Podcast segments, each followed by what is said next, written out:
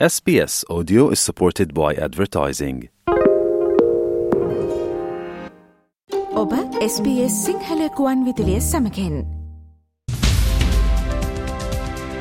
මවබිමින් පුවත් ඔස්ට්‍රේලියාවේ අද උදැස්සනවන විට ශ්‍ර ලංකාවෙන් වාර්තාාවන ප්‍රධානතම පුවත් කිහිපය මෙන්න.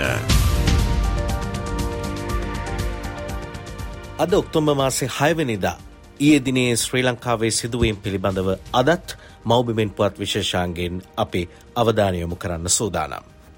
ශ්‍රී ලංකන් ගුවන් සේවෙන් ගුවන් පහසුකම් ලබාගන්නා ගුවන් මගින් පහුගේ දිනවල පැයගණන් ගුවන්තොටුපලේ අපාසුතාවයට ලක්වන අපි දකිින් ලැබුණ එක පැත්තකින් කියවෙනවා ගුවන්්‍යයානා මදකම නිසා අනෙක් පැත්තෙන් කියවෙනවා වෘතිය සමිති ක්‍රියාමාර්ගයන් නිසා සේවකයන් රාජකාරයට වාර්තානොකිරීම කියලා මේ කොහොම වනත් පැයගණන් ප්‍රමාද වෙලා ශ්‍රී ලංකන් ගුවන් සේවෙන් ගුවන් ගමන් සලසාගත්තු මගින් පිළිබඳව ඔවු නොරනවුණු ආකාරය අපිට දකින්න ලැබුණා. දැන් ඊය දිනේත් චන්දිම විරක්කොඩි පාර්ලිමේන්තු මන්ත්‍රීවරයා සහ කබීර් හශීම් පාර්ලිමේන්තු මන්ත්‍රීවරයා බැංකොක් වලදී ගුවන් තොටුපලේ පෑ දහයකට වඩා කාලයක් ශ්‍රී ලංකන් ගුවන් යානයේ පැමිණෙනතෙක් කාලය ගත කරන්න සිදුවනාය කියන කාරණය පාර්ලිමේන්තුවට ඉදිරිපත් කරා මේ ඊට මුහුණ දුන් චන්දිම විරක්කොඩි පාර්ලිමේන්තු මන්ත්‍රීවරයා ඔහු මුණ දුන්නු අත්දැකීම විස්සර කළ ආකාරය. ගරු නියෝජ කතානායකතුමනි ඊයේ ශ්‍රී ලංකන් යාලයින්ස් එක පැය 12ක් ප්‍රමාද වුණා. අපි සංචාරක කර්මාන්තය ප්‍රවර්ධනය කරන්න කතා කරනවා පැය 12ක් එක තැන සංචාරකයෝ. ඒ වගේම අපේ ලංකාවේ වෙළඳුන් ගිහිල්ලා හිටියා. ඒ වෙළඳුන්ට ලොකු ප්‍රශ්නයක් තියෙනවා. දැන් අපේ කස්ටම් එකෙන් 125යි ටැක්ස් ගහන්නේ. හැබැයි කස්ටම් නිලධාරීන්ට ගහන්න යවන්න ඕන 150ක්. ගුවන් යානේ එන්න තිබුණේ 10ට. නමුත් රෑ රෑ 10ට ආපු හින්දා කණ්ඩායම් දෙකකට ගෙවන්න සිද්ධ වුණා කස්ටම් එකේ. ඒ නිසා වෙළඳාමට ප්‍රශ්නයක් අපේ සංචාර කර්මාන්තයට ප්‍රශ්නයක් දරු ඇමතුමා මොකද කියන්නේ? මේ විවාදය යන අතරේ පාර්ලිමේන්තු මන්ත්‍රීවරුන් අදහස් දක්වද්දී චාම්බර සම්පත් දසනායක රාජ්‍ය අමාත්‍යවරයාත් යම් මැදිහත්වීමක් කරා ඇතැම් ආයතන මහබාණ්ඩාගාරයට ලාභාංශ දෙන්න තරම් ලාභ ලබද්දී ශ්‍රී ලංකන් ගුවන් සේවය ඒත් එක්කම ගමනාගමන මණ්ඩලය ආදී ප්‍රවාහනාංශ පාඩු ලැබීම සම්බන්ධයෙන් උදාහරණ අරගෙන රාජ්‍ය අමාත්‍ය චාම්බර සම්පත් දසනායකත් ඊයේ පාර්ලිමේන්තුවේදී අදහස් දැක්වීමක් සිද්ධ කළා. කොහේ හරි රටකට හරි කොහේ හරි පෞද්ගලික ආයතනයකට මේ ගුවන් සමාගම පවරන්න. කාටත් කිරිබෝපෝ ඉඳලා වැඩක් නැහැ. මම නම් ඇමතුමා මම පොස්පේට් එකේ දෙන්නෙක් එලෙව්වා එලෙව්වට පස්සේ මොකද වුනේ? මට විරුද්ධව එපාර එකක් ගෙනාවා. අද අලිමංකඩ ලුණුලේ ආයේ ලාභ ලබනවා. මිලියන 100ක් හෙට භාණ්ඩාගාරයට දෙන්න පුළුවන්. හැබැයි දුම්රිය දෙපාර්තමේන්තුවෙන් දෙන්න පුළුවන්ද? පොස්පේට් එකෙන් හෙට මිලියන 350ක් භාණ්ඩාගාරයට දෙන්න පුළුවන්. දුම්රිය දෙපාර්තමේන්තුවෙන් දෙන්න පුළුවන්ද? බෑ. මේ වගේ දායකත්වයක් දෙන්න නැත්තම් මොන මගුලටද මේවා තියාගෙන ඉඳලා. කරන්න බැරි නම් අපි අයින් වෙන්න ඕන. මොකටද? ඇමතුමාලන්න මං කියනවා කෙලින් ඍජු තීන්දුව ගන්න. එලවන්න ඕන එක එලවන්න. නිමල් සිරිපාලද සිල්වා විශේභාර අමාත්‍යවරයා චන්දිම වීරක්කොඩි පාර්ලිමේන්තු මන්ත්‍රීවරයා ඇතුළු මන්ත්‍රීවරුන් නගපු ප්‍රශ්නවලට අවසාන වශයෙන් පිළිතුරු ලබාදීමකුත් පාර්ලිමේන්තුවේදී ඊයේ දවසේ සිද්ධ වුණා. මේ ඊට පිළිතුරු දුන් නිමල් සිරිපාලද සිල්වා අමාත්‍යවරයා. දැන් ඔවුන් මට වාර්තා කල්ලා තියෙනවා සභාපත්තුමා ඔවුන් ඔවුන්ගේ ඒ ට්‍රේඩ් යුනියන් ඇක්ෂන් එක දැන් අතෑර බව සභාපත්තුමාට දන්වලා තියෙනවා කියලා. නමුත් අර අපේ විරක්කොඩි මැත්තුමා මතු කරපු ඒකනම් සත්‍යය වශයෙන්ම ටෙක්නිකල් ෆෝල්ට් එකක් කියලා තමයි මට වාර්තා වෙලා තියෙන්නේ. දැන් මං කියලා තියෙන්නේ මීට පස්සේ හැම වෙලාවෙම ගුවන් යානයක් අතිරික්තව තියාගන්න යම් ආකාරයක එවැනි ටෙක්නිකල් ෆෝල්ට් එකක් වුණොත් ගිහිල්ලා ඒ මගින් ටික ගෙනියන්න පසුගිය මහජන අරගලයේ සිද්ධ වනු කාලයේ අරගලය තිබුණු කාලසීමාව තුළ ලංකාවේ හදිසිනීති රෙගුලාසි පනවන්න ගෝඨාභය රාජපක්ෂ එවකට හිටපු ජනාධිපතිවරයා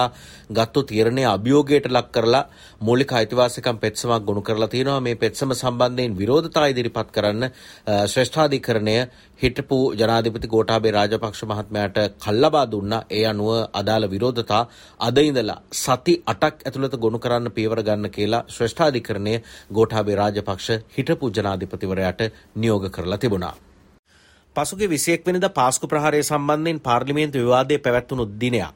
ඩයනගමගේ රාජ්‍ය අමාත්‍යවරිය වරප්‍රසාද ප්‍රශ්නයක් මතු කරා රංජිත් මද්දුවම් බණ්ඩාර සමගි ජන බලවේගයේ මහලේකම්වරයා පසුගිය 21 වෙනිදා පාර්ලිමේන්තුවේදී ඩයනාගමගේ රාජ්‍ය අමාත්‍යවරිය ආරම්භයා කරපු නොගැලපෙන වචනයක් නිසා වරප්‍රසාද කඩවුනාය කියන කාරණය මත වරප්‍රසාද කමිටුවට ඔවුන් කැඳවන්න කියලා ඉල්ලීමක් කළා. ඒ අතර ඩයනාගමගේ රාජ්‍ය අමාත්‍යවරිය සහ විපක්ෂයේ මන්ත්‍රීවරුන් අතර වචන හෝමාරුවක් වගේම උද්වේගකර අදහස් හෝමාරු කිහිපයක් අපිට දකින්න ලැබුණා.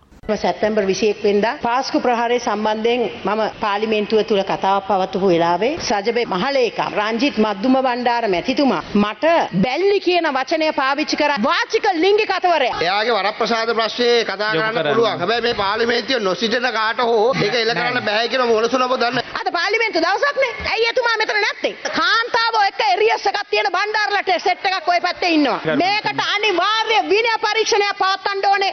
කරුණාකරලා වාඩි වෙන්න. ඔය බණ්ඩාරගේ බිරින්දාවරුන්ගෙන් අහන්න වෙනවා මොකද්ද මේ එරියස් එක කියලා කාන්තාවොත් එක්ක තියෙන. රෝහණ බණ්ඩාර මැතිතුමා වාද කරන්න එපා. වාඩි වෙන්න. ප්‍රසාද ප්‍රශ්න ඉදිරිපත් කරන්න. sit down. ඔය ඇඳුම ගලවගෙන පාරට බහැලා මේ සාරිය මම දෙන්නම් ඔබතුමාට. ගරු මන්ත්‍රීතුමල්ලා වාද කරන්න එපා රෝහණ බණ්ඩාර මැතිතුමා. රෝහණ බණ්ඩාර මැතිතුමා. කිසිම කාන්තාවකට මේක අපහාස කිරීම තහනම්. වරප්‍රසාද කමිටුවට හරි ඒක මමයි තීන්දුව කරන්නේ ඔබතුමාගේ ප්‍රශ්නේ කියලා ඉවරද? බණ්ඩාර මන්ත්‍රීවරයන්ට බල්ලියෝ කියන්න බෑ මේක ඇතුලේ. කවුරු කියලා හිතාගෙන දින්නේ? ශ්‍රී ලංකා මුහුණ දෙන ආර්ථික අර්බුදයක්ත් එක්ක පොලි අනුපාතිකයන් පිළිබඳව විටින් විට විවිධ කාරණා මතුවෙනවා. අපි දැක්කා ඊයේ දවසේ පැවැත්වුණු ප්‍රවෘත්ති සාකච්ඡාවකදී නන්දලාල් වීරසිංහ මහබැංකු අධිපතිවරයා සඳහන් කරනවා ජනතාව ලබාගෙන තියෙන ණය මුදල් වෙනුවෙන් බැංකු නියම කරලා තියෙන පොලි අනුපාත ඉතා ඉක්මනින් අඩුවිය යුතුයි කියලා මහබැංකු අධිපතිවරයා සඳහන් කරා.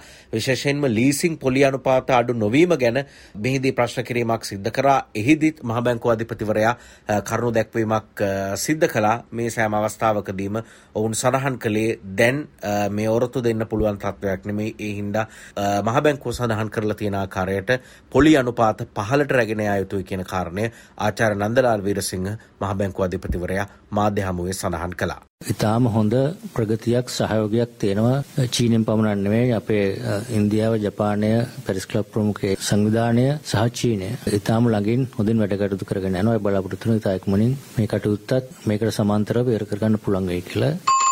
නැවතත් ලබන සඳුදා දිනේ ශ්‍රී ලංකයේ පුවත් විමසුම තුළින් හමුවන බලාපොරොත්තුවෙන් සමුගන්නවා මම ශ්‍රී ලංකාවේ සිට මනෝජ් උදටියාවල.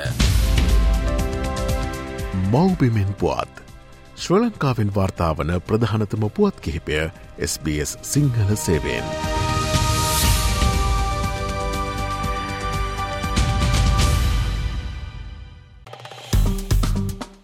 ලයි කරන්න ෂයා කරන්න අදහස් ප්‍රකාශ කරන්න SBS සිංහල ෆස්බුක් පිටුව ෆලෝ කරන්න.